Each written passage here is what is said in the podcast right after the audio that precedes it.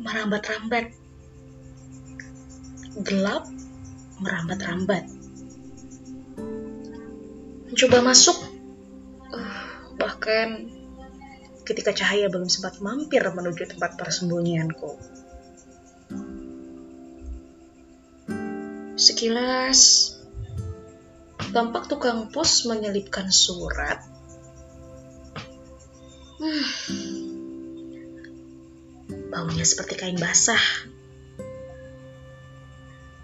Mungkin kehujanan di jalan-jalan. Kesulitan mencari arah pulang. Sambil sesekali menepi,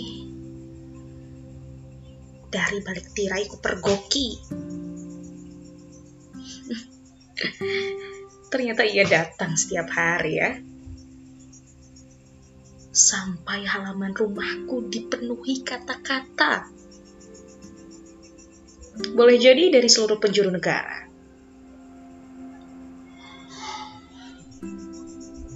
Seseorang mengetuk pintu. Ku bilang, Letakkan saja di kotak pos. Seketika pintu terbuka dan seberkas cahaya menembus masuk. Aku terpana. Tetanggamu mengirimkan nyala lilin. Bakar semua kiriman pos itu atau jadikan ia penerang untuk membaca mereka satu persatu.